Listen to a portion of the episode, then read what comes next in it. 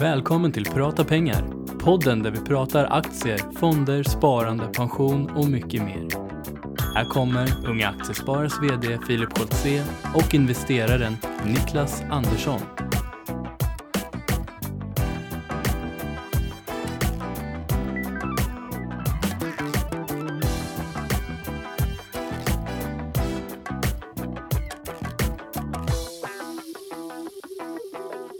Då säger vi god morgon och varmt välkomna till podden Prata pengar. Hej på dig Niklas! God morgon, hej på dig! Äntligen eh, fredag för dig och mig, äntligen måndag för er som lyssnar. Ja! Hur är läget med dig? Jo men det är bra. Det, det har varit en intressant vecka som vanligt. Mycket volatilitet på marknaden. Det händer saker i aktievärlden alltså. Det gör det. Ja. Det vad, ska vi börja med Brexit och Rom kanske? Ja men vi gör det. Jag tycker det. Ja. Vi hade ju en eh, på Twitter som skrev under hashtag prata pengar, eh, Dejan Tepik som skrev, vore kul att höra vad de invigda, och han sätter det inom citationstecken, jag tycker det känns bra för så experter är vi inte, säger om pågående börsoro om ni har några råd till oss följare och jag tänker att han kanske funderar på att Brexit-oron står ju för väldigt mycket av det som händer nu på, på aktiemarknaden och den volatilitet, alltså rörelserna i marknaden som du pratar om. Vad känner vi Mm. Niklas? Nej men vi är visst experter. Jag, Okej, har, jag ja, har läst, har ja, läst ner. ja, jag har läst 50 poäng psykologi på gymnasiet då, därför förstår jag marknaden. Ja men då så. Det är ingen som vet vad som kommer hända i och med ett Brexit. Ehm, och det är ju det som, som skapar också volatiliteten på marknaden vi ser just nu och inte bara det. Det var som du och jag pratade om här tidigare, deep deep down i magkänslan, eller maggropen så känner vi att nej men vi, vi tror och hoppas att de kommer att stanna kvar i EU-samarbetet då, eh, Brexit eller, eller Storbritannien. Mm. Och där kan man väl säga att Brexit står ju för Britain och Exit så man, man Ja. lägger ihop de orden Brexit och vi hade Grexit för ett antal år sedan när det var Grekland som stod på ruinernas brant. Ja exakt. Det gör man ju inte i det här fallet utan man är mer eller mindre lite sur över eh, medlemskapet i, i EU och det har Mm. man faktiskt varit sedan 1973 har jag för mig att de kom Oj. in i samarbetet.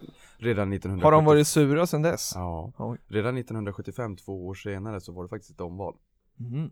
Men då var det en majoritet som röstade för att stanna i unionen. Okej. Men de har alltid varit lite sådär malplacerade och tyckt att nej, vi vill nog inte riktigt kanske. Nej. Och under de här årens lopp har jag förstått att man också har eh, förhandlat till sig specialvillkor så att man är ju väldigt eh, ja, motsatsen till styrmoderligt hanterad. Mm. Man har fått väldigt mycket eh, förmåner och, och eh, eh, undantag.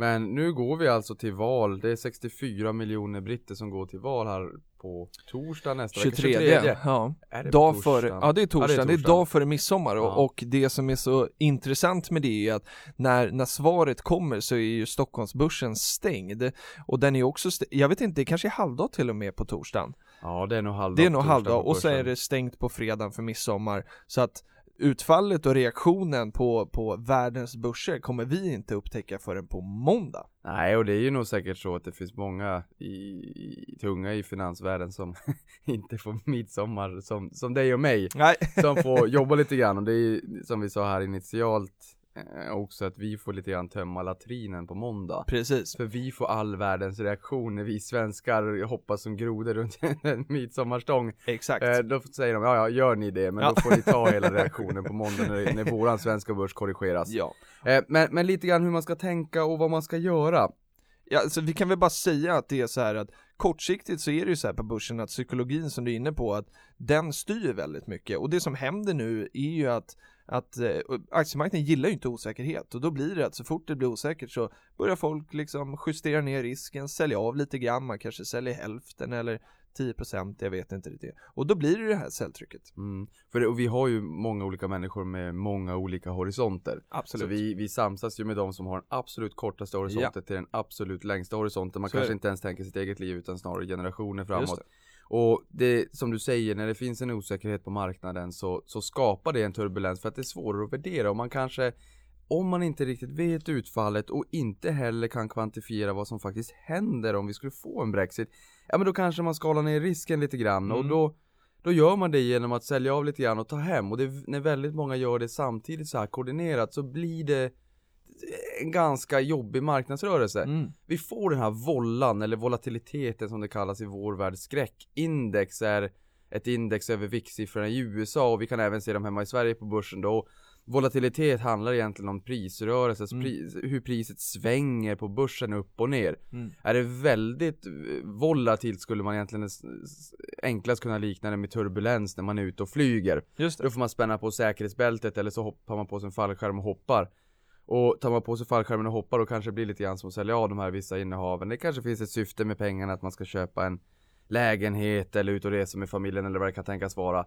Då kanske det är lite dumt att exponera de pengarna för, för den här typen av oro för att den är eh, den är svår att kvantifiera, vi har ingen aning om utfallet och det är få som känner till utfallet, det är nog ingen som gör det. Det är nog ingen. Eller så spänner man fast säkerhetsbältena, utnyttjar marknadsläget, köper på sig lite mer, ser vad som händer. Om vi får en korrektion, ja men då köper man mer de fina bolagen som fortsatt kommer att gå fint efter det här. För det är ju ingenting som säger att Sverige och Storbritannien inte kommer att, eller kommer att sluta handla med varandra. Nej, verkligen. Tyskarna kommer vilja exportera bilar, fransmännen kommer vilja exportera, importera. Världen går vidare, livet går vidare. Men, men, men det blir lite jobbigt. Men jag tror någonstans att som jag hörde i, jag var med i en makropanel som spelades in och, och där sa man att eh, realekonomiskt så spelar det inte så stor roll långsiktigt. Nej, Eh, alltså i den reala ekonomin för jobb och nej. Eh, men, finansiellt och politiskt kan det bli ganska stökigt. Mm. Men, men just konjunktur, inflation, tillväxt, arbetsmarknad eh, där är det väl lite mer life goes on. Precis, och det som jag tycker är liksom viktigt att ta med sig här som du säger att man kan spänna fast säkerhetsbältet och liksom köpa på sig mer, då vill det ju till att man har den här liksom balansen i sin privatekonomi så att man har pengar i portföljen som man kan vara riktigt långsiktig med och kanske också att man har lite torrt krut Och med torrt krut menar vi nya pengar som man kan sätta in i portföljen i form av ett månadssparande till exempel. Nu kommer ju lönen faktiskt, förhoppningsvis tror jag den 23 i och med att 25 är då på lördagen eh, och 24 är midsommarafton så kanske vi får lön den 23 och då är väl det utmärkt att kunna ta det månadssparet och sätta in och, och, eh, och köpa på sig Mm. precis som vanligt. Men Så att den balansen är jätteviktig. jag pratade även där i makropanelen med, med Claes Molén som är chefstrateg på Handelsbanken Mm. och han sa det där att centralbankerna står redo att intervenera på marknaden med likviditet om det är så att det skulle bli en kraft, kraftig marknadschock. Vad betyder intervenera? Det Nej. låter jättesvårt. Ja men det betyder att egentligen tillför, ja nu var vi inne på det här fikonspråk igen. Nej, nej men det, det handlar om att Stimulera, vi stimulera, tillföra likviditet i Mm. marknaden för att inte som läget 2008 när kreditmarknaden frös till is, ja men då var det ingen som vågade låna ut pengar till varandra. Nej, Alla la pengarna i kassaskåpet och la sig i sängen och drog eh, täcket ovanför skallen och, och, och grät lite grann. Det var väldigt jobbigt. ja. Eh, I det här fallet så tror, jag, tror de väl inte liksom att det ska bli riktigt den reaktionen för det var, det var väldigt, väldigt jobbigt 2008. Lehman Brothers Mm. är den största konkursen i Mm. världshistorien. Eh, de hade en balansomslutning på 10 000 Är det miljarder. större än, eh, vad, heter det skoboksexemplet, det stora? Enron. Enron. Ja, Var, var Lehman större? ja. Okej. de hade, eh, balansomslutningen var ett, över 1200 miljarder Åh, USD. herregud. och när vi pratar balansomslutning så pratar vi alltså både skuld och eget kapital. Ja. För när man köper en lägenhet så är man inte intresserad av hur mycket eget kapital jag har i bostaden, hur mycket kontantinsats jag har pyntat in och hur mycket lån jag har. Och de som har läst ekonomi vet att det är samma som tillgångarna då? Ja, Mm. det är alltså precis tillgångarna. Så man, som sagt, man är inte intresserad av, min, av mitt eget kapital och mitt lån utan man är intresserad av, okej Niklas, vad får jag köpa lägenheten för? Ja. Och det här, i det här fallet så är det då eh, Lehman Brothers tillgångar oavsett hur de är finansierade. För Mm. skulle någon köpa Lehman Brothers så skulle de kunna köpa allt kontant eller allt med lån eller det blir liksom ganska ointressant. Så att 10 000 eh, miljarder svenska kronor det är 12 gånger så stor som svensk banksektor om vi tar de fyra storbankerna. Så det var en Otroligt. Enorm balans, eh, då- balansomslutning. Och många satt på den här risken. Vem hade Ja. lånat ut pengar till dem och inte? Nu ska vi inte fortsätta med, med, med den här diskussionen. Men jag förstår att det blev en otrolig marknadschock. Mm. Och, och där kommer vi nog inte hamna. Men, men just med det sagt så centralbankerna bevakar ju det här och är beredda att tillföra likviditet om det Mm. är så att vi skulle se att likviditeten ska försvinna. För det som händer då, det är att om likviditeten i marknaden, marknaden försvinner så spreadar köp och säljsidan iväg. Alltså Och skillnaden, spreadar, ja. skillnaden mellan köp och säljsidan eh, drar isär. Och det gör att avsluten som görs, du får väldigt stora procentuella skillnader. Gå in i ett, som, som aktieägare kan man ju dra det närmast till att gå in i ett väldigt litet småbolag. Mm. Det kan vara så att eh, köpsidan ligger på 18 kronor och säljsidan på 20 kronor. Bara där är det en väldigt stor mellanskillnad procentuellt. Men är det sen så att vi får en marknadschock, Ja då kanske ingen vågar handla, då kanske Nej. köp ligger på 17 Mm. eller 16 Mm. och, och sälj ligger på 20. Det blir sådana stora Prissättningen skillnader. blir svår helt enkelt. Prissättningen Mm. blir svår. Och det kan faktiskt hända även på kreditmarknaden, Mm. men då ska det till väldigt stora eh, marknadschocker och det Mm. här är något, det, det skulle kunna vara en sån. Mm.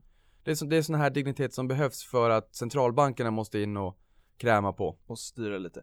Så vi kan väl säga så här att eh, de invigda experterna i Prata pengar, vi eh, kommer spänna fast säkerhetsbältet och eh, eh, det kommer vara lite turbulent men vi har vår strategi och plan. Vi eh, jag tror varken du eller jag Niklas säljer av för att eh, hedga oss eller säkra upp inför det här utan vi sitter still i båten eh, och när månadssparandet eh, eller lönen kommer den 23 hoppas vi då så sätter vi in pengar som vanligt och fortsätter köpa. Vi sitter still i båten, skulle vi få en riktig marknadschock, skulle vi få en riktig kollaps på marknaden, nu drar det till sin spets, det Mm. tror jag inte, jag tror att den sannolikheten är väldigt liten. Mm. Kan komma en momentan eh, liksom sättning, men jag tror inte vi kommer få någon krasch, men skulle vi få det så är det bara att tacka och ta emot, i alla fall Mm. för de som har större delen av portföljdurationen, portföljlivet framför sig. Jo, absolut. Eh, det var som man sa från amerikanskt håll när, när Lehman Brothers föll, att det här är förmodligen en eh, opportunity of a lifetime och Mm. det var det. Mm. Eh, Börsen steg över 200% sedan dess. Så är det. Eh, bra, vi går vidare. Sen också hänt i veckan, vi fick reda på att vi kom nia i årets podcast.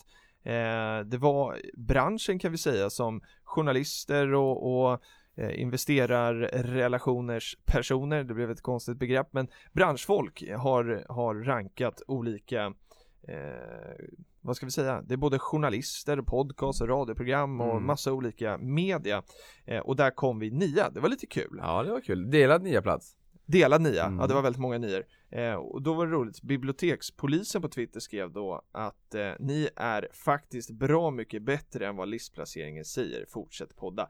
Det tyckte vi var lite roligt. Ja, men det tackar vi för. Det, det är sånt som värmer gott i hjärtat. Ja men det är roligt att höra. Och under hashtaggen prata pengar så är det jag satt igår när jag skulle förbereda eh, det här avsnittet så satt jag och scrolla och scrolla och scrolla och scrolla eh, och jag kom liksom inte så långt tillbaka i tiden för det är enormt mycket trafik på vår hashtag eh, och det som jag har märkt sista veckorna här nu är att det börjar delas handel och det börjar delas känslor och det börjar liksom man skriver att så här, nu känns det si och nu har det backat si och så och då köper jag det här. Jag tänkte läsa upp några stycken. Alex skrev, eh, och nu blir det lite svordom här, fy fan säger han, det kan vi säga va, Mm. vad rött det är. Är sugen på att handla men vänta till efter midsommar. Det är en strategi. Sen säger Daniel Ullmark sugen på att bränna av en del av likviden men icke, köper enligt plan, svårt att tajma marknaden. Tänker helt rätt tycker jag. Eh, riktigt klok, håller till strategin. Sen hade vi Knytnävsknut som skrev att jättejobbigt när ingen av ens kompisar är intresserad. Jag har ingen att ventilera dessa funderingar med. Han hade skrivit några tweets innan om lite olika funderingar. Och det är det här vi hoppas att både den här podden och vår hashtag och unga aktiesparare ska kunna vara den här äh, eh, trygghetszonen dit man kan gå och, eh, och känna att så här, här har jag kompisar som jag kan snacka med. Och det är ju det vi är, det är ju den plattformen, det är ju, det är ju en del av eh, USPen, den här unique selling point som unga aktiesparare har, att det är ett otroligt fint ungdomsförbund där många intresserade träffar varandra. Exakt. Eh, jag vet hur det är att inte få prata om ekonomi hemma och inte ha någon att ventilera med. Jag menar, jag skulle ju explodera om inte jag fick prata av mig och det är ju precis därför unga aktiesparare, nej jag ska säga inte, det är kanske inte därför att vi, för vi finns den, men men Ja eh, fast vi unga aktiesparare ska ju vara plattformen. Ja. och plattformen kan ju betyda många olika saker. Det kan vara utbildning eller liksom vad som helst. Men jag tycker liksom att den här nätverket då är ju superviktigt att Mm. ha en kompis att kunna ringa till och så här nu det är rött i, i portföljen liksom Brexit kommer snart eller eventuell Brexit hur ska jag tänka? Bara få en second opinion med någon Mm. som också är intresserad, det är superviktigt Ja men träffa likasinnade, för det blir Ja. ju, det blir synergieffekter, man lyfter varandra. Exakt Eh, men det är ju det här med, med hashtaggen, det är väldigt mycket trafik och jag märker det är hundratals notiser varje dag på Twitter.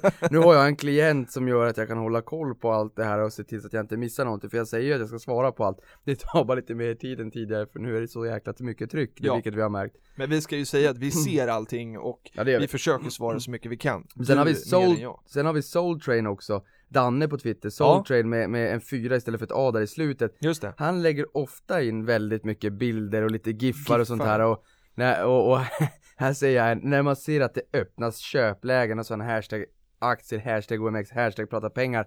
Sen ser jag att det är en bild på Gordon Gecko från Wall Street 1987. Han ser en GIF. han ler lite Han ler där. lite där i bilen. Ja det är bra. Sen har vi eh, utdelningssäsongen är ju nästan över, eller är den över? Det kan vi säga va? Ja, Ja. den är över. Förutom preffarna, men, Förutom men de, preffarna. de, Nej, de räknas inte. riktigt.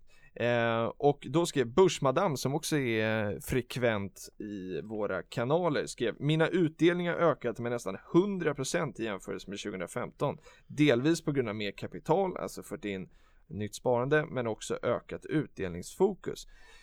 100% Niklas, vi har ju pratat 10-15% i utdelningsökning. Mm. eh, 100% inte tokigt. Det är det inte. Här är också bara lyfta på hatten skulle jag säga och, och det där är ju ett resultat av att Börsmadam här har kommit igång med sitt sparande. Jag vet inte hur, hur länge, jag utgår ifrån att Börsmadam är, en kvinna. Eh, och hon har kommit igång med sitt sparande. Jag vet inte om det är precis nu eller om hon har haft det en tid eller ett antal år. Men, men det roliga är ju, det där säger jag ju själv också, att när man lägger in nya pengar och bygger upp sin portfölj.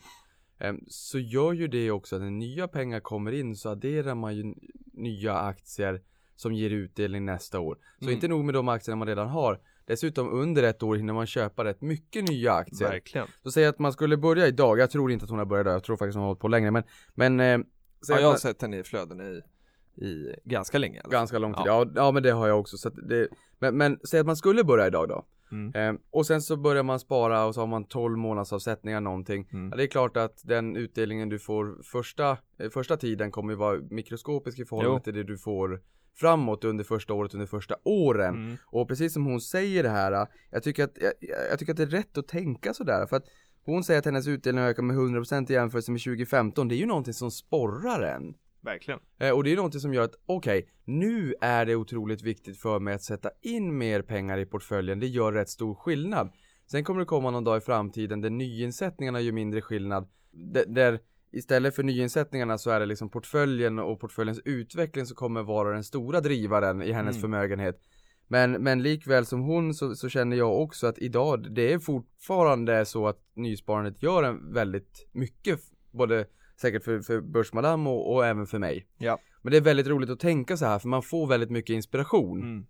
Eh, Och bara se det där att okej mina utdelningar ökar rätt mycket. Det gör, det, jag tror börsen ökade väl någonstans 9% i år.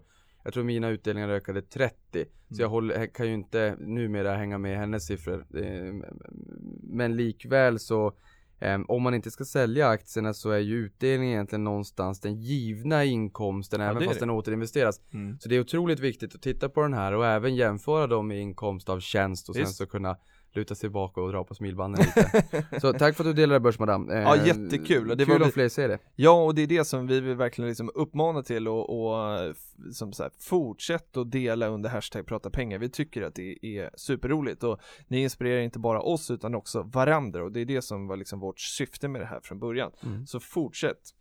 Eh, En sak du vet på, ja. på eh, Brexit vi pratade om där. Mm. Jag ska inte vara långrandig där Nej, men, men det det- enda jag vill på. säga det är att vi såg inte jättemycket volatilitet på marknaden, alltså prissvängningar upp och ner inför där och det var nog för att marknaden var rätt säker på Mm. utfallet.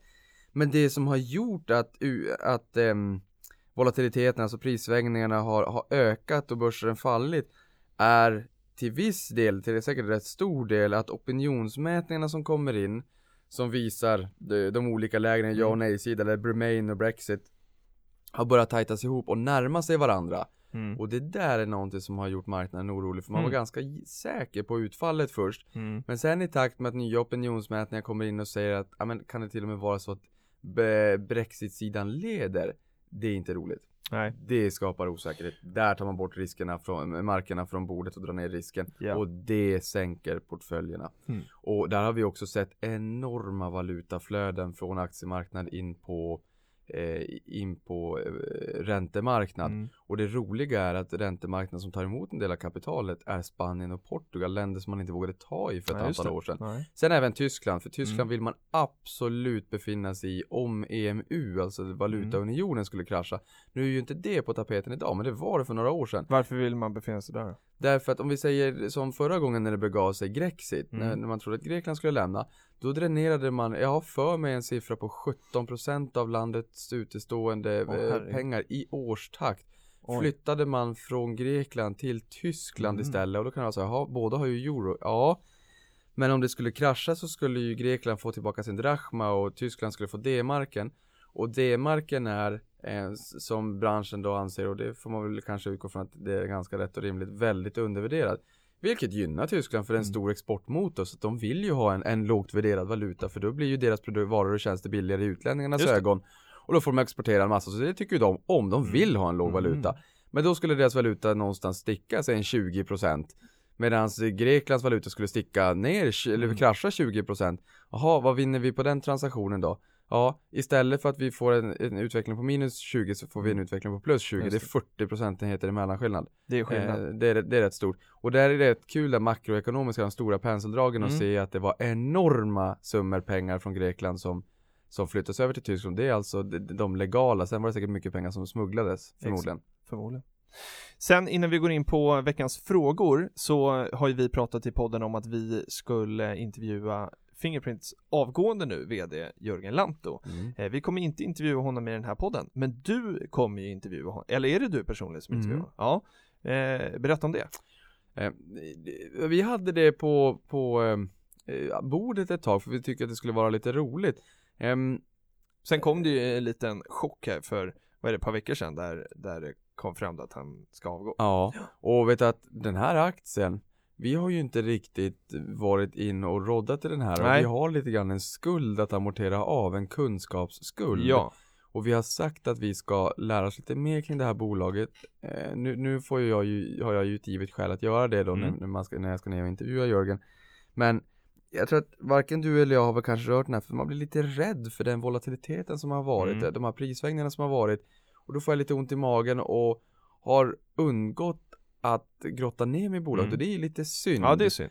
Men, men nu ska vi då intervjua honom Mm. och då får jag göra det nere i Malmö och Okej. den kommer komma ut i, i någorlunda närtid. Ja, för vi, vi släpper ju, det här släpps då på måndag, eller det är måndag när det här släpps, och då är det under samma vecka som den här intervjun kommer visas också, är det så? Jag tror inte vi kommer hinna visa Ah, okej. det där. Ah, Okej, utan men det är efter att podden släpps i det alla är fall? efter att Okej. podden släpps. Och då kan man gå in på Avanza och kika på ja, det? Ja, Och, och det roliga där måste jag säga också att eh, Fingerprint är ju en, en aktie som svenskarna älskar. Den har gått upp över, över 1000% sedan Ja. januari 2015 och det är den sjätte mest ägda, ägda aktien på Avanzas det är plattform. otroligt. Hur det är på Nordnet vet jag inte, men jag kan anta att det är någorlunda ganska lika. Och Avanza är den största ägaren i Fingerprint. Mhm. Visste du det? Otro... Alltså Jag tror via att det är många som inte vet det. kapitalförsäkringar Ja, då? Avanza pension. Mm. Och, och, och där är ju, när man äger någonting, antingen via pensionsbolaget Mm. i pensionen, Ja, eller om just man det. äger en kapitalförsäkring, så äger man inte aktierna själv per definition, utan Nej. man har en fordran på aktierna, det är försäkringsbolaget som äger dem. Det är en försäkringsteknisk lösning för att man en gång i tiden då skulle slippa förmånsbeskattningen, men Mäckigt. gå in och titta på vem som äger Fingerprint. Då är det, och det här kan man faktiskt se ibland i, Ja. i eh, mindre bolag, nu är inte Fingerprint ett litet bolag, men ofta när man kollar på lite mindre bolag så är det Mm. väldigt vanligt att man ser både Nordnet och Avanzas eh, försäkringsbolag som är Mm. topp 10 ägare. Så att man skulle kunna säga eh, hugade aktiespekulanter som, eh, så- eller som investerare. Eller investerare som äger eh, de här bolagen då i, i, i säg en kapitalförsäkring. Ja. Men är inte det ganska intressant för det, det, det är inte ett litet bolag det här. verkligen Och trots det, Avanza är största Ja. ägare. Otroligt. Och nu, nu ska vi inte dra någon, någon, någon växel på att det är just Avanza, men, men det jag menar här är att det är Och vi små skulle säga Avanzas kunder kanske då. Ja det är Avanzas Alltså kunder. att- det hade lika gärna kunnat vara Nordnet, men det, men det jag menar här är att småspararna, Ja. för det är det det är, det är ett paraply bara, så det är småspararna som är de största ägarna i Fingerprint. Jag, på, när jag var på Aktiespararna, du var också på Aktiespararnas eh, årskongress, Mm. då var det någon som reagerade på det här uttrycket småsparare. Ja. Och jag tycker att, eh, jag kan faktiskt hålla med eh, och tycker att man ska säga privatsparare. För att säga småsparare är lite att förminska. Det är klart att vi är småsparare i förhållande till stora institutioner och Warren Buffett, alla stora spelare. ja. Men, men det är lite att förminska. Mm. För, för de pengarna som jag investerar är inte små för mig. Och då blir det att lite förminska. Så jag tycker vi säger privatsparare. Då får vi säga privatsparare, Ja. vi är inte små Eller Bumbibjörnar som springer runt med kanske. Pengasäckar. en annan. Nej, precis. Ja, det var en parentes. Vi Ja, hoppar nej. in på dagens frågor Niklas, tycker Ja. jag. Eh, och eh, vi har ett helt gäng här idag och jag tänker att du ska få bestämma var vi börjar. Ja, Om jag får bestämma då kommer vi gå igenom alla. Nej, men vi börjar med Dividend Hustler. Va? Ja. Dividend Hustler.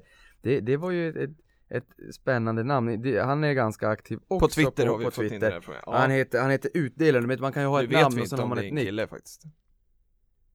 Jag sa han? Ja. det var ju dumt. Ja, det var jag får anamma Vi det här. säger hen. Hen. Ja. Det behöver inte alls vara en han. Nej, det behöver inte. Eh, Dividend Hustler, hen.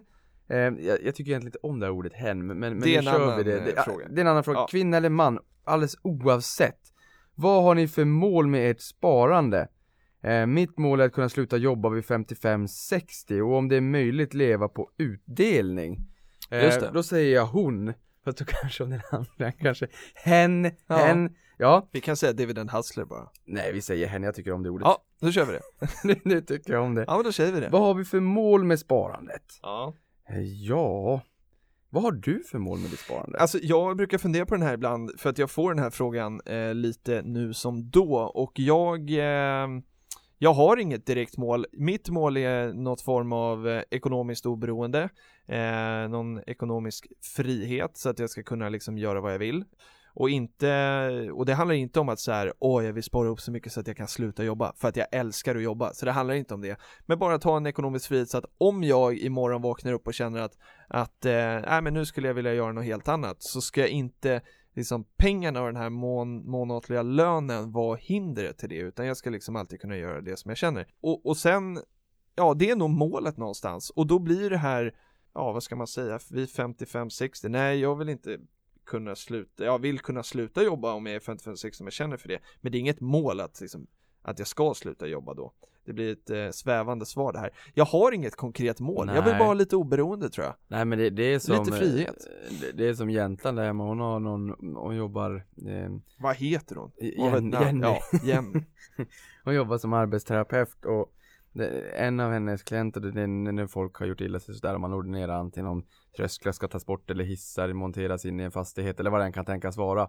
Och en av, hennes eh, klienter som hon ofta besöker är över 90 år Okej. och forskar fortfarande. Oj, vad Och häftigt. båda, båda två i paret forskar fortfarande och är Coolt. rätt, eh, vad ska man säga, rätt framgångsrika Mm. karaktärer i forskarbranschen. Och, och det där visar ju på att man behöver inte sluta jobba bara Nej. för att man, man når ett visst, eh, en viss ålder. Det, det, är så, det, det är så konstigt i dagens värld, vi kategoriserar in allt i alla möjliga fack. Ja, absolut. jag, jag tror att ehm, jag kommer nog inte heller sluta jobba vid 55-60, jag vill nog försöka jobba livet ut också, men det handlar ju inte, alltså det är skillnad på att jobba det är skillnad på att jobba för mat på bordet och, Mm. och jobba med någonting man älskar. Ja. Och det kanske är så att man är en investerare och äger en del bolag och faktiskt eh, jobbar genom att försöka ta de här bolagen kan det framåt. Absolut. Ehm, men jag tror någonstans att när det kommer till portföljen så, så tror jag att det är friheten jag är ute efter att kunna göra lite vad jag vill och känna precis som du säger när man vaknar upp på morgonen att man inte är beroende utan Nej. Om allting skulle gå käpprätt åt helsike eller om man bara skulle känna att man behöver ett break eller vad det än är så finns det pengar där äh, Mm. att backa upp.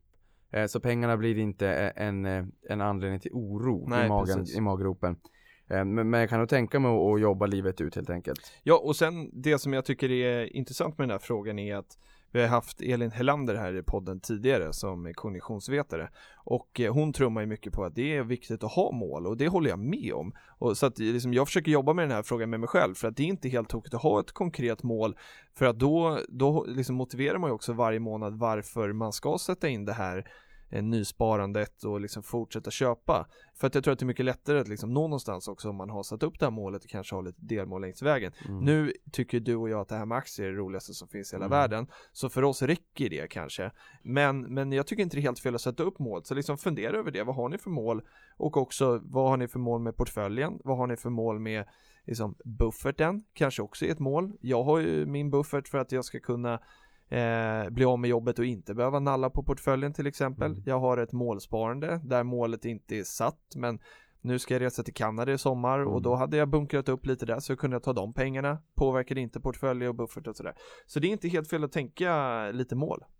Nej, och man kan även tänka om det är så att man vill ha just vad är ekonomiskt oberoende. Eh, Det är en definitionsfråga också. Det är en definitionsfråga om det är så att man, man är rik eller oberoende och jag menar någonstans eh, tänk som när man köper, säg att man köper en aktie en månad för eh, 1000 kronor och det är en Mm. direktavkastning på 5% för det har vi sagt tidigare att om, om man tiltar portföljen så till mot, mot utdelning så borde Mm. man kunna få en 5-6% Sen kan det vara så att man köper bolag som kanske inte ger så mycket mer än så i, i, i kurstillväxt Nej. Så att totalen kanske blir 5-6 och det är lite synd för det är Mm. lite lite Men likväl Det innebär att man får 50-60 kronor per Mm. investerad tusenlapp i, i utdelning varje år Mm. Så att jag menar, jaha, om jag har en elräkning på 300 kronor då Det är 3600 kronor om året.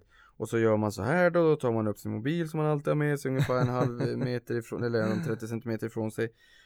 300 kronor i elräkning, det kanske var lite dyrt, jag kanske borde kolla upp det. Men i alla fall gånger, Ja, det är lite dyrt tycker jag. gånger Det 12 beror på hur stort man bor i och för sig. Ja, ja nej men det, jag har ju börsnyheterna på. De drar mycket. 3600 om året delat på 0,06 Jag räknar på 6%, 6%. Ja. det, det, det är inte omöjligt, det går. Det finns Nej. många bolag där Mm. som, eller många, men det finns ett gäng bolag till, jag är den här Ja. typiska klassikern då Yes. Även bankerna nu för tiden då, trycker jag på lika med Jag behöver 60 000 kronor Ja. med 6% direktavkastning Om jag har investerat 60 000 kronor Då kommer jag ju, ja om man då inte räknar med inflation och priserna Nej. stiger över tid Men även utdelningen tenderar att stiga Absolut. Då är jag oberoende när det kommer till min elräkning Ja, det är Sen kan man börja tänka lite sådär Ja, och det är därför det är intressant också tycker jag att göra en eh, eh, budget. Så att man ser liksom, vad kostar mitt liv? Vad kostar mitt boende? Vad kostar maten jag köper? Vad kostar mina intressen och sådär? För då, då kan man ha lite koll på också så här, så här mycket kostar mitt liv och då kan man också räkna på det ekonomiska oberoendet. För om man säger till exempel att, säg att du har då en miljon i portföljen och får 2,5% i direktavkastning, ja då får du 25 000 om året. Det är en extra månadslön varje år. Mm. Och då någonstans kan man ju börja liksom, så ekonomiskt oberoende handlar ju egentligen hur mycket vill du spendera? Så ja, Och jag tror, att- jag tror någonstans där, eh, som sagt, utdelning och utdelningstillväxt och jag menar, skulle, åter på frågan vad, vad vårt mål är, eh, jag skulle nog kunna säga att de termerna är jag nog förmodligen ekonomiskt oberoende idag för att om jag skulle tilta min portfölj mot utdelning så skulle jag nog få inte riktigt lika mycket pengar som jag får i lön men i princip nästan månatligen. Men, Mm. Grattis. Ja fast det är Och ju du är inte så det ung. som är Bra roligt. jobbat Niklas! Ja, jo men det, men jo fast det har ju varit mitt största intresse också. Jag menar, Mm. det, är klart att om man gillar ponnyridning eller om man gillar eh, hockey eller tennis eller jag menar vad, vad, Ja. vad det än är, eller ballett eller vad det än är. Mm. Då lägger man ner väldigt mycket timmar Ja. på just det intresset. Absolut. Och jag pengar! Har lagt, och pengar. Och jag har lagt ner mycket pengar, tid och pengar på det här intresset och då råkar ju liksom kontentan vara att, att ja, det här är en av få hobby som kanske ger mer pengar tillbaka än vad de kostar Så är hålla själva hobbyn. Men, men likväl, jag menar hade jag fått gå i pension idag och sätta mig ner och titta på Ricky Lake då hade jag ruttnat. Jag hade inte ens tyckt att det varit kul. Men säg någonstans kanske kring 40. Då Mm. skulle, då skulle jag väl teoretiskt liksom sådär att ja, nu är det i princip rimligt att faktiskt inte behöva jobba alls Mm. och ändå ha eh, ordentligt med inkomst. Men likväl som vi sa, trots det så vill jag nog jobba till 80, Mm. 85 ändå. För jag, jag, man skulle liksom, jag skulle tyna bort Mm. annars. Det är ju i jobbet. Och det vill vi ju inte för vi ska ju podda tills vi dör Ja, och du så. och jag gillar ju aktiemarknaden. Oh ja. Och vi jobbar ju med det vi älskar. Så Exakt. att vi har ju den förmånen att lära oss mer samtidigt som vi jobbar. Därför kommer inte vi sluta jobba. Är det förmånsbeskattat tror jag? du, ge inte Skatteverket vi går vidare idéer. Men Vad tycker du vi ska gå vidare till nu? Ska vi prata vi skulle kunna gå, ja men vi tar den här lite snabbt. Kristoffer Pettersson, han skrev så här, ni pratar om belåningsgrad, inte skuldkvot mer aktuellt. Eh, vad tycker ni är lagom där? Vi pratar ju en del liksom belåning för att du, både du och jag jobbar med belåning på lite, både i portföljer och på bostad och sådär. Eh, och det han menar med skuldkvot, det är väl i diskussionen som går med, med bolån framförallt där, där bankerna eller Finansinspektionen kanske är, kommer liksom sätta krav på att, att man bara får låna ett visst antal gånger sin årsinkomst. Mm. Ja det var ju bankerna först, man ville ha någon form av självreglering för att slippa få den här piskan av, av pappa, Ja. pappa Finansinspektionen. Eh, men nu har, ju, har det ju kommit ett amorteringskrav och det Mm. kommer väl säkert kompletteras också. Och det, det var ju en diskussion vidare kring huruvida Riksbanken eh, skulle fokusera alldeles för mycket på, på skulduppbyggnaden bland hushållen eller inte. Och det slutade med att Finansinspektionen fick ta över makrotillsynen istället för eh, Riksbanken då. Mm. Eh, och som du säger, ja vi pratar mycket om belåning och vi använder belåning i portföljerna båda två och belåning kan vara ett bra verktyg som när vi pratade om tidigare för att ha torrt krut i portföljen. jag skulle nog kunna säga att jag skäms inte för att uppmana våra lyssnare att det kan vara rätt vettigt att ha en belåning i portföljen om det är så att det kommer Eh, lägen på börsen ehm, snabbt. Där du får en riktig sättning där lönen kanske inte har kommit där man vill köpa någonting. Köp för en eh, månadsavsättning då och jag menar, kommer lönen en vecka senare, betala tillbaka den där kreditlinan. Då har du Mm. liksom, då har du nollat den. Ja, men det här är också, det är, vi måste ha en liten disclaimer här. Ja, vi lägger in en inte, disclaimer. Det är inte helt enkelt och jag har liksom laborerat med det här lite Mm. för att jag också vill utmana mig själv. Hanterar jag det här och så har jag gjort det på nivåer som jag verkligen kan hantera. Mm. Eh, men det är lätt att liksom, börjar man med sånt här, det är, det är precis samma sak som ett kreditkort. Att du vill gå och köpa den här tröjan idag eh, och inte om en vecka när lönen kommer. Så du köper den idag på kreditkortet och sen betalar du tillbaka om en vecka. Mm. Och det där är ju egentligen inte helt bra. Alltså egentligen liksom lär man ju ut från början att så här, spara först, spendera sen. Mm. Eh, och det är väl liksom det klokaste. Eh, hanterar man sen att liksom jobba med krediter, belåning, så kan det vara ett bra verktyg. Men för att hålla på med aktier så behöver man verkligen inte hålla på med belåning. Jag läste, Warren Buffett hade faktiskt sagt att så här, man behöver inte hålla på med belåning. Eh, Så länge man är lite smart och liksom gör bra grejer så kan man tjäna bra pengar ändå. Så att det här är ingen förutsättning. Du och jag har ju tagit ett steg längre för att Mm. vi är så pass intresserade eh, och lägger väldigt mycket tid på det. Så att Nej, man behöver nog inte alls hålla på med belåning i, i, i, för jag menar, är det så att man är långsiktig och köper löpande så spelar det ingen roll om börsen Nej. går upp en eller två eller tre procent. Så är det. Jag menar, långsiktigt så det har ingen betydelse. nej. Men, just det här med, med om man vill försöka tajma det kortsiktigt Mm. och ha en belåning för att ha det gummibandet i ekonomin och Mm. kanske säga att det är två veckor eller en vecka kvar till lönen. Kunna köpa idag, beta ner den där när lönen kommer. Men, men som du är inne på, då kräver det också disciplin. Ja, Och det kanske är ett medskick eh, till, till våra lyssnare också att eh, in, inte många, men, men en del sätter sig faktiskt ner och skriver placeringsregler för sig själv. jättebra. Eh, Sätt er ner på papper, plita ner vad ni tycker är ett, ett bra köp. Är det så att aktien ska ha ett, ett P talsvärdering alltså price earnings, hur många gånger årsvinsten ska du betala som mest? Mm. Snittet på börsen var det 14 de senaste 100 åren, nu är det lite högre och den låga ränteklimatet tenderar att trycka upp det lite grann också. Så vad är det för, vad är det för P tal vi vill ha? Vad vill vi ha för direktavkastning? Vill vi att bolaget ska göra vinst eller inte? Kommer jag få använda belåning eller inte? Om jag gör det, hur hög belåning? Själv Ja. har jag 30% faller börsen 50% Mm. så min belåning är uppe i 60 Ja. Det är jobbigt Mm. jag, tycker, jag tycker personligen att 30 är någonstans ehm, ett tak Sen har jag min amorteringsportfölj Skulle jag likvidera den skulle min belåning vara nettopositiv Jag skulle inte ha någon belåning alls så att man får vara väldigt försiktig och det är Ja. som du sa tidigare där, nej man, ha behöver inte alls använda belåning överhuvudtaget. Jag ser det snarare som ett verktyg för det är Mm. skillnad på att vara fattig och pank.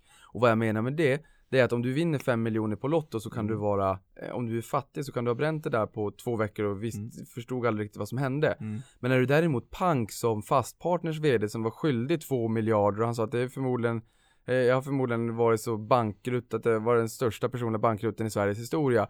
Till att återhämta det, Det där var och- ganska länge sedan det här ska vi säga. Ja det var länge sedan. Till att vara välmående Mm. och, och ha fina fastighetsbolag och sysselsätta många människor. Så att, där, där var det liksom inte bara noll utan det var ju Nej. kraftigt negativt. Så Ja. det är skillnad på att vara fattig och pank. Absolut. Nyckeln till skillnaden där i är beteendet och disciplinen Exakt. hur man tänker. Och där kan belåning antingen, eller skuld, för den gamla skolan, våra mor och farföräldrar, Mm. för dem är skuld fult, det är Ja. skämmigt, man Mm. får inte ha en skuld. Man säger det här att den som är satt i skuld är, Är inte icke- fri. Ja, Precis. Mm. Jag tänker ju, eftersom att vi använder det som ett verktyg så tänker jag ju mer nettotillgångar och hur kan belåningen ge mig en hävstång? En sund och ehm, nykter hävstång. För Absolut. har man speldjävulen i sig så kan, nej, det ska vara strängt kalkylerande, Mm. nyttomaximerande och man använder det som ett verktyg. För det är väl, hur ofta har du skruvat av muttrarna på en bil med fingrarna? Aldrig. Du använder hävstång, om du inte använder maskin.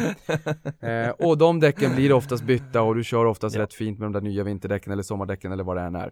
Men som sagt, sätt dig ner och plita Mm. ner er investeringsfilosofi, för det är ganska bra att ha placeringsregler faktiskt. Och titta på de där någon gång när, när säg att börsen stökar Mm. till eller något och sagt, ja men det var ju det här jag skrev upp, det var ju det här jag trodde Exakt. på. Och Ja, så försöker man hålla sig till det. Så länge man har disciplin och regler. Och här skulle jag också säga att en viktig grej för mig här eller som har funkat väldigt bra för mig, är också att ha folk att bolla med. Mm. Eh, Du är en av dem och liksom kollegor här och andra unga aktiesparare som tycker att det här är roligt. Så att när jag har testat den här typen av verktyg så har jag liksom, så har jag bollat med andra för att också så här, dels sätta upp de här reglerna, verkar de vettiga och sen när det liksom stökar till och man blir lite osäker, ja då går man och snackar med någon igen för att man ska känna sig lugn och få lite tips på hur man ska göra. Så att eh, ta hjälp av varandra Mm. eh, är inte fel. Nej. Eh, Men, men, men ja. bara, eh, vi måste också, för vi måste också bara svara på Kristoffers Ja. fråga. självklart. Ni pratar om belåningsgrad. Mm. Eh, oftast när det kommer till privatpersoner så brukar man prata om belåningsgrad i termer av bostad. Ja. Och ofta så köper man en bostad. Sen Ja. kan det vara så senare i livet att man köper en bostad och en fritidsfastighet. Just det. Eh, men, men därav brukar man oftast, för det är oftast så att man bara har en bostad och det är den största inom citationstecken investeringen Mm. man gör. Vissa tycker inte att det är en investering för att den kostar pengar att hålla, men, men likväl då. Eh, och därför kan man nog ofta bara prata om belåningsgrad och i Sverige får vi ha 85% Ja. eh, och bankerna vill då att man ska ner till 50%. Mm. Det är ganska mycket även i, i internationella mått, men i Sverige är det ganska kallt på vintern och det är inte så roligt att sitta ute på, på, på gräset på Mm. vintern för det är inget gräs. Vi lägger väldigt stor del av plånboken på Mm. bostaden i Sverige i förhållande till kontinenten. Yes. Eh, det förstår inte alltid EU faktiskt. Nej, så De brukar ge oss pikar ibland, men de... Men om vi ska vara konkreta då, hur stor är din belåningsgrad på din bostad? Eh, min belåningsgrad på min bostad exklusive det jag har använt i portföljen, för det är ju konstlat. Ja. Eh,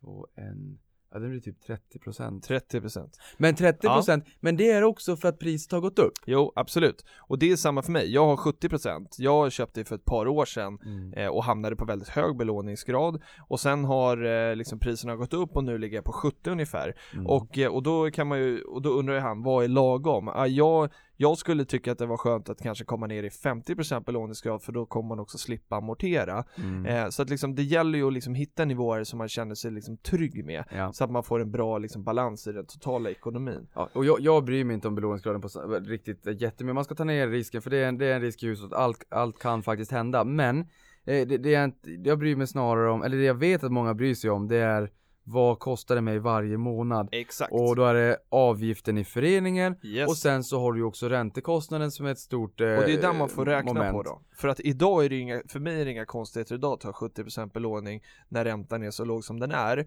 Men skulle räntan gå upp från liksom 1,5 till 2 till 3 till 4, Mm. nu är vi en bit bort tror jag. Eh, men då är det klart att det kommer svida och det kommer göra att, att eh, an, eh, summan pengar som jag kan sätta in till portföljen blir mindre och Ja. det kommer jag ju tycka är tråkigt. Så då kommer jag ju liksom vilja sänka den belåningsgraden. Så gör så här då, då tar man alltså sommaren 2008 innan det small 15 Mm. september 2008 då Lehman så var eh, bolåneräntorna på storbanken över 6% Vi har en och en halv idag, en, och- en och en halv typ Ja. Gör så här Ta ert lån i kronor och ören och sen så säg att det är en miljon så en miljon gånger 0,05 Mm. eh, Då får ni upp 50 000 Ja. Delat på 12 Ja. Då ser vi vad det gör varje månad Mm. och då lägger ni till den, eh, den kostnaden på eh, eran månadskostnad. Ja men det är 4166 kronor i månaden det är i mycket sånt pengar. fall. Klarar jag det Ja. tycker jag att det är jobbigt. Och sen så kan ni dra gånger 0,7 om ni vill, för vi har ju skattereduktionen än så länge. Men Absolut. det blir så här, ni kan göra både och, men, men det är ju nästan bättre att, att räkna utan skattereduktionen, för Så den är ju lite bonus. under skotteld. Ja, det är det. Jag tror inte politikerna kommer våga sänka, men den är ändå lite under skotteld. Men belåningsgraden, okej. Det viktiga är att klarar jag en högre kostnad eller inte, för att om det är så att man sparar långsiktigt och lägger in pengarna i portföljen så ökar Mm. man nettotillgångarna. Men är Ja. det liksom eh, konsumera eller, eller investera, Ja, då ja, då tycker jag amortera. Absolut. Men, men i det här fallet så, så länge man liksom ökar sitt nettosparande hela tiden och faktiskt kanske kan sälja av om man någon gång i framtiden verkligen skulle behöva amortera. Eh, ja. Men, men man ska ju inte glömma bort att man sänker risken i hushållet om man amorterar. Men sen pratar han om skuldkvot. Ja. Och nu är jag jättesnabb här men eh, det kan vara så att man äger mer än en bostad. Mm. Och då är det så här, jaha du har en, en belåningsgrad på eh, 30% säger vi. Ja. Eh, eller du kan, du har ju en, en belåningsgrad på vad sa du, 70? 70. Ja. Ja. Och om jag säger att jag har en, en belåningsgrad på 30 då. Mm. Men, men jag äger fem fastigheter. Mm. Då är det 30, 30, 30, Ja. 30, 30. Just Det kan ju vara, även fast det är låga belåningsgrader på objekten, Ja. så kan det vara en ohyggligt stor skuldkvot, alltså det kan vara väldigt mycket pengar jag har lånat. Mm. Så där sätter man ju i, det här i relation inte bara till värde utan även till återbetalningsförmåga. För i, i, i USA innan det small, då tittade man på värdet på bostäderna i Ja. första hand. Och till slut så var det ju bara bankerna som satt på värdena för att när det där small så, så ja, det, det vart väldigt jobbigt. Mm. Och det var ju bankernas utlåning som eldade på priserna och sen så när det liksom inte gick längre då föll ju priserna handlöst. I Sverige tittar vi på återbetalningsförmågan i första hand och värdet i andra hand. Just det. Eh, alltså hur, hur pass hög lön har du och kan du bära kostnaderna? Så att belåningsgrad, ja det kan ju vara så att det, det kan vara rätt intressant att kolla på skuldkvoten också för där behöver man väl in kreditkort, blankolån, lån på olika fastigheter. Även om belåningsgraderna per objekt är låg Ja. så kan det totalt sett bli ganska mycket. Ja, för det är Eh. samma lön som ska bära allt. Ja, men jag skulle säga belåningsgrad passar för de allra flesta men skuldkvot är filosofiskt kanske bättre. Och där har man sagt, eh, Finansinspektionen har sagt att skuldkvoten sk- bör vara någonstans 600%. Alltså sex gånger disponibel inkomst. Och jag vet bankerna brukar låna ut fem gånger disponibel Mm. inkomst. Lägg på lite kreditkort och andra eh, krediter på det här så sex det? gånger, ja. Mm. Och du får ju, du inflaterar bort det här lite grann i och med att lönen ökar. Men, men, men det gör ju, lånen tickar ju ränta också. Exakt. Säg fem, sex gånger, det, det är vad, vad Finansinspektionen och bankerna tycker i alla fall. Bra. Nu ska vi gå in på dagens sista fråga. Vi har Mm. lite fondfrågor också, men vi kommer spara dem till nästa vecka. Men dagens sista fråga kommer från Albin och han eh, hyllar dig Niklas, han har skrivit till dig, uppskattar din blogg, eh, ekonomikunskap, Mm, just det. eh, kan man gå in och läsa, riktigt bra, och vår podd, jätteroligt att du säger det. Han säger så här, är en kille på 19 år som investerat i två år nu, bra, kom igång tidigt. Han har en fråga som han vill att vi svarar på som lyder så här. Hur ofta köper du in dig i dina befintliga aktier i din portfölj? Alltså köper du kontinuerligt i dina aktier du redan har eller köper nu när du anser att det är köpvärt? Och det här är kul för du och jag diskuterade det här i veckan. Vad säger du här? Ja, nej men jag försöker eh, bredda upp portföljen och, och köpa i alla bolag löpande hela tiden men sen blir det ju så att eh, mycket händer på marknaden och ska man hålla sig till, till lönen en gång i, i- månaden så hinner det hända väldigt mycket Mm. och där skulle jag väl säga, jag säger så här Mm. i det korta perspektivet Mm. då kan jag nog alternera vart jag lägger slantarna beroende på det jag tycker känns mest attraktivt för stunden. Mm. I det medellånga till långa perspektivet Ja. så ska det vara en balanserad viktning mellan innehaven och det jag menar med det är att samtliga innehav i portföljen ska väga lika mycket. Så skulle man titta på Biggest Loser Mm. och lägga upp alla mina innehav så dudum, här Mm. kommer Atlas Copco så dudum, här kommer eh, SEB säger vi. Eh, så ska de här vågarna eh, visa lika mycket. Du vill alltså att alla innehav ska ha samma vikt? Ja, jag, jag tenderar Det att sträva mot en, en Okej. lika viktning. Ja. Men, men, men med det sagt så kan jag över tid välja att fokusera på vissa innehav Mm. som kanske har gått dåligt. Jag Just det. tycker att det, det, det inte riktigt är skäligt på den horisonten jag äger bolaget på. Nej. Men det som, eh, det som är lite knepigt här och det som du och jag pratade om i veckan utanför podden, det var det här att eh, både du och jag har ju flera portföljer. Eh, både jag har en svensk och en utländsk portfölj och du har eh, ytterligare en i alla fall. Eh, och det är ju att då tenderar liksom innehaven att öka. Vi tycker också att det är väldigt kul att köpa aktier. Eh, så att både du och jag har ju lite fler än de här 10-15 som är eh, gängse rekommendation. Och då blir det en utmaning i att så här, om man har då 30 bolag, ja då, är det, då måste du liksom månadsspara i kanske två i alla fall i månaden eller nästan två och en halv för att du ska köpa i varje bolag liksom varje år. Så då räcker det kanske inte att lägga hela månadssparandet på en aktie utan då får man sprida ut lite oftare. Mm. Och det där är ju en liten utmaning. Framförallt om man också handlar, tycker jag, utländska aktier. För då är courtaget lite högre. Och handlar du då för lite mindre belopp så blir ju liksom andelen kostnad blir ju större. Mm. Eh, svenska aktier är det där lite lugnare på nu för att courtagen är så låga eh, och har man under eh, ja, 50 000 hos Avanza och 80 000 hos Nordnet Mm. så handlar man faktiskt gratis och då Mm. spelar det ingen roll i Sverige. Mm. Eh, men på utländska är det lite liksom kärvare. Och det där är inte helt lätt tycker jag. Nej, men, men sen är det väl så också att precis som du säger där att förutom månadssparandet varje månad så har jag väl ska säga utdelningen Jo. ger nog Den ger lite extra. I dagsläget så dubblar den upp antalet sparanden så att mina Mm. 12 månadssparanden blir nog 24 Ja, men månadssparanden då i termer av pengar. Då så. Ehm, och, och, ja men det är, det är som du säger, det, det är svårt för att ehm, vi tenderar ju att flyga iväg och köpa fler bolag Mm. för att det, som gör ondast i våra magar är ju förmodligen att behöva begränsa oss. Ja. Så här, ja, det är precis det. det, det kommer säkert kosta oss, i, den här, i det här livet kommer det säkert kosta oss många miljoner Mm. ehm, Att vi kanske inte ehm, Är så koncentrerade. är så koncentrerade och, och för man kan inte riktigt hålla stenkoll på alla bolag på samma sätt men det är otroligt roligt. Mm. Ehm, Och det får man ju tycka är okej. Det gäller ju liksom hitta sin, för någonstans är det också så här det här med risk och att man diversifierar eh, efter, vad är det, 15-16 Ja. eh, innehav så Mm. säger man att liksom eh, effekten av diversifieringen avtar liksom. Mm. Då spelar det ingen roll om du har 16 eller 24. Eh, och då kan man ju, det är väl därför liksom rekommendationen är att man ska ha mellan 10 och 15. Det räcker och så Mm. kör man koncentrerat på dem och då är det ju lättare. Då kan man köpa eh, var tionde, var femtonde liksom månad i varje. mm. Eh, men för oss då som tenderar att ha liksom 30 bolag kanske så blir det ju lite jobbigare.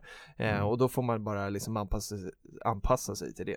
Ja, för där brukar jag också ofta kolla liksom hur har, hur har innehaven eh, gått den senaste Mm. tiden och vilka fokuserar jag på just nu? Är det något Just som har gått extra bra? Läser man på lite mer om det? Och något som har gått extra dåligt kanske läser jag på lite mer om det. Ja, Och sen försöka bilda sig en magkänsla löpande hela tiden för vilket bolag man fokuserar på just nu. Men du pratade om det här med, med att 15-16 innehav och att där eh, tenderar, eh, tenderar, ri- vad heter det? Eh, Att växa. Den, min, den minskade marknadsrisken att avta. ja, ja du menar så. Ja. Och, och det här är ganska intressant för er som inte är eh, för er som inte har läst ekonomi och, och, och läst den här delen så att säga så kan man väl säga det som att man ritar upp ett sånt här diagram en, och uppe på, vad ska man säga, uppåt. Ja, Ah, nu förklarar jag väldigt dåligt men du har både bolagsrisk och marknadsrisk. Det, det jag du har ser, Y och X-axel. ja vi tar en ny UX-axel. det här är ingen bra podd, men vi kanske får förklara det här i något rörligt material någon gång. Ja, och man skulle kunna säga att har man ett enda innehav, säg bara H&M, ja då Mm. är risken väldigt hög i den här Ja. portföljen. Och inte för att H&M är ett dåligt bolag, men snarare för att du har en rätt hög risk både för konfektion, Ja. alltså kläder, väder uppenbarligen den senaste Ja. tiden, bomullspriser och dollar, Valutor, euro, där de, valuta där, Mm. de, där de handlar mycket i. Så att du skulle kunna sänka risken i din portfölj bara genom att köpa ett till bolag och då kanske du köper Lundin Petroleum och då får du in olja också. Den är i och för sig också beroende för de säljs ju i dollar. Ja, Eh, eller vi säger så här, nu hade vi H&M, vi tackar för dem, nu säljer vi H&M och så köper vi SAS istället. mm. Då har vi Lundin Petroleum och SAS, då har vi två aktier kan man tycka, ja men vad bra, då har vi fått en riskspridning. Jo, fast om oljepriset går upp så är det bra för Lundin Petroleum men dåligt för SAS. Ja. Eh, så att de där två är ju inte de bästa vännerna i portföljen. Men, men det man brukar säga är att ju fler bolag man köper på sig desto mindre blir den bolagsspecifika risken.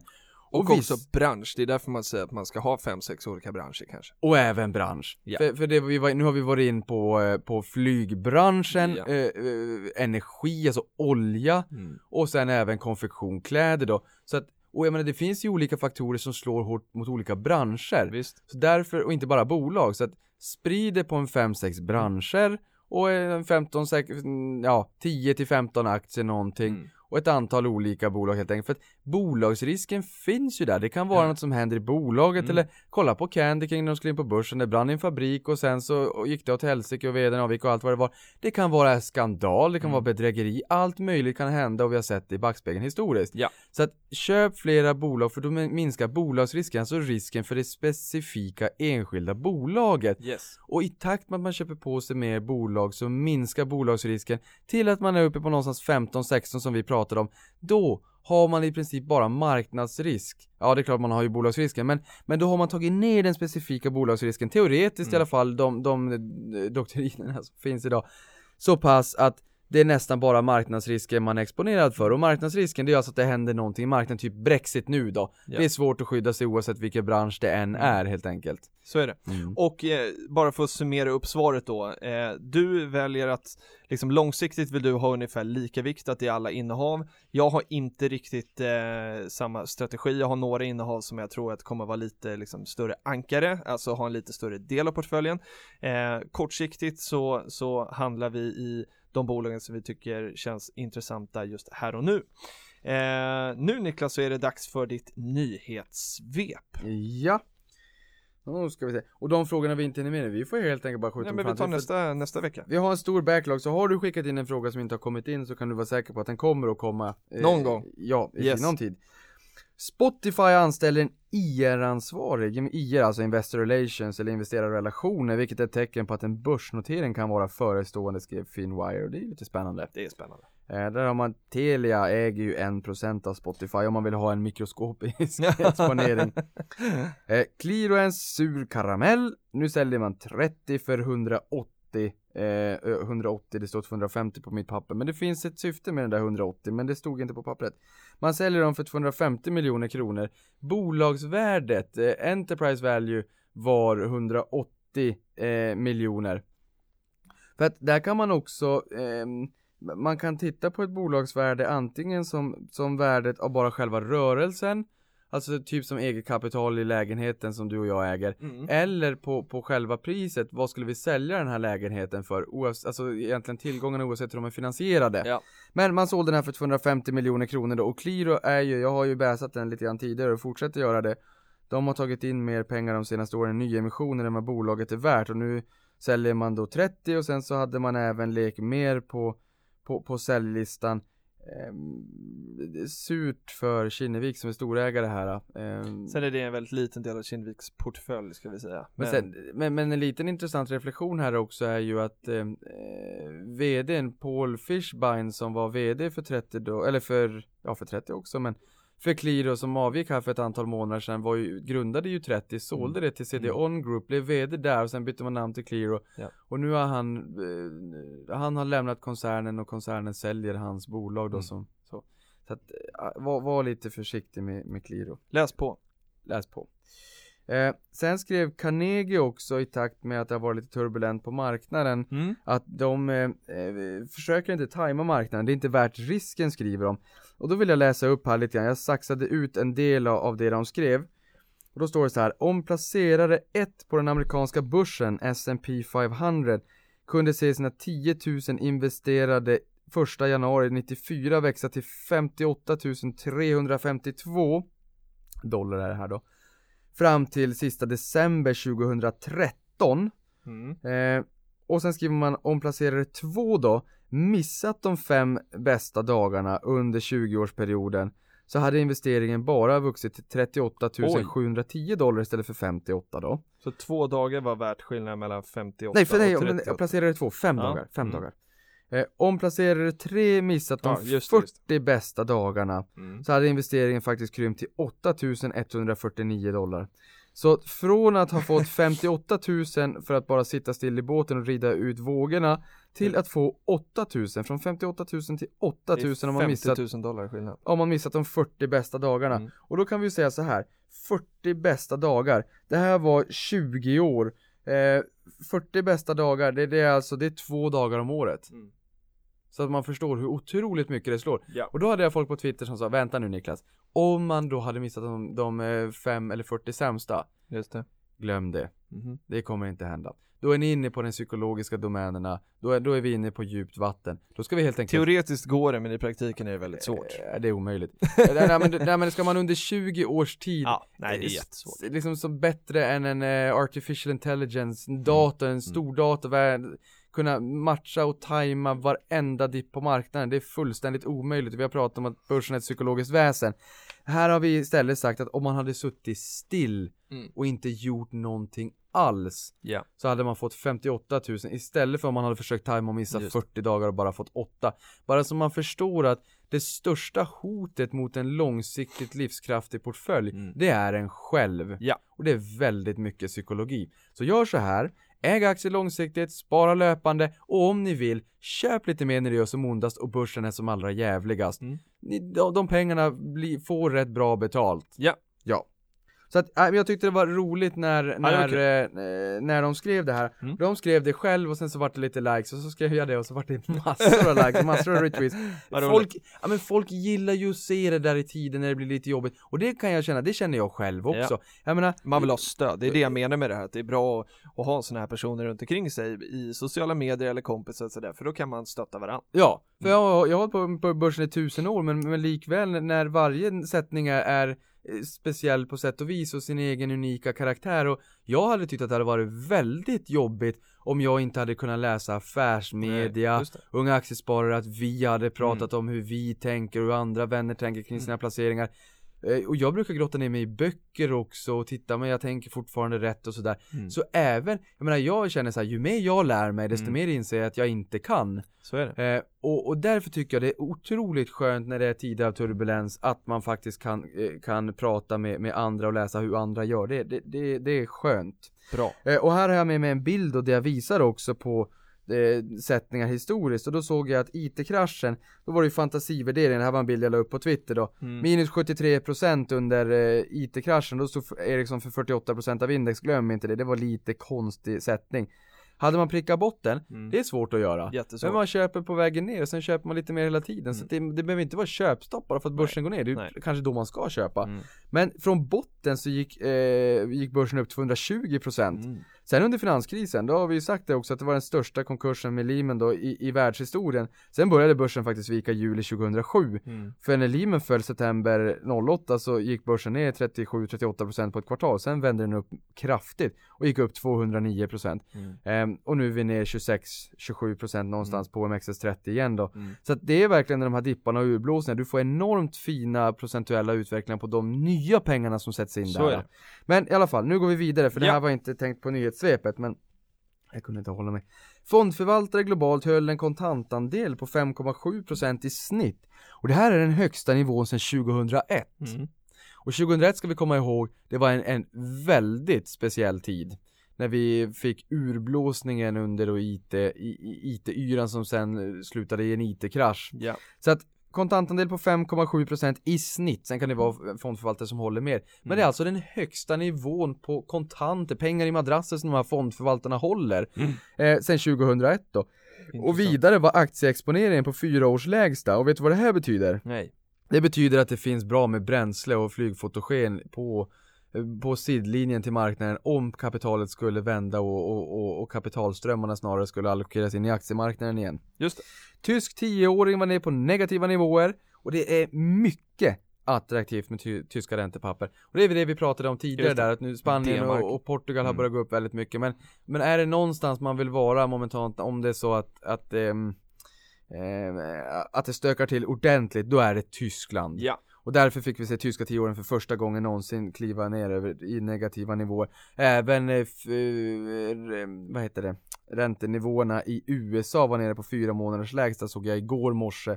Och det här spelas ju då in den 17 juni, så att den 16 juni var de ner på fyra månaders lägsta. Mm. Sist men inte minst, min börselvan eh, la jag ju upp under hashtag börselvan i sociala medier.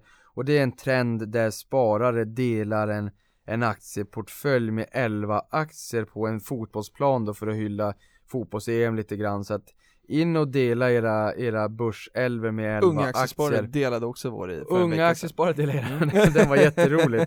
Eh, Ni har ju ett videoklipp där, där Ja. man får se när ni argumenterar för det, det var riktigt Exakt. kul.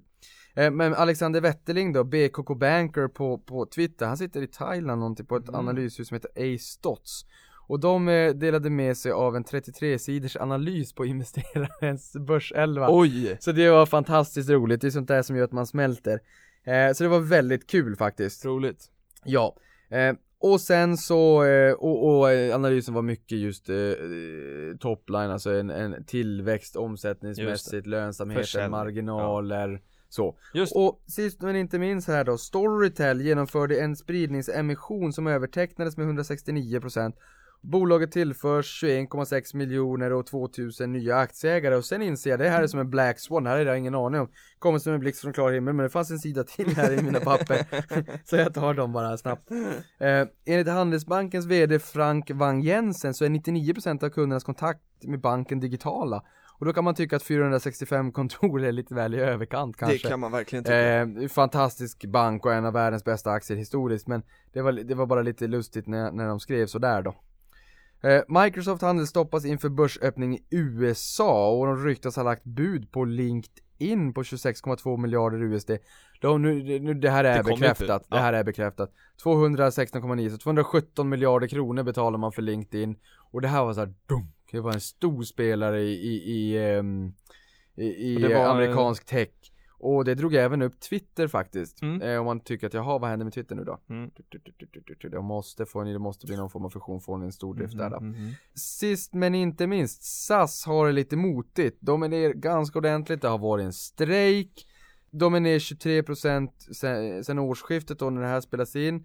Medans Norwegian balanserar på nollstrecket, så det var, det var min sista, Mm. jag tycker det är lite jobbigt. Norskarna, norskarna vinner. Nor, nor, vad heter han? Jag kan inget ord. Nortug, Nortug. Nortug, exakt. Nortug, ja. Han Men vi kan glädja oss med att eh, Norge inte är i fotbolls-EM i alla fall. Nej.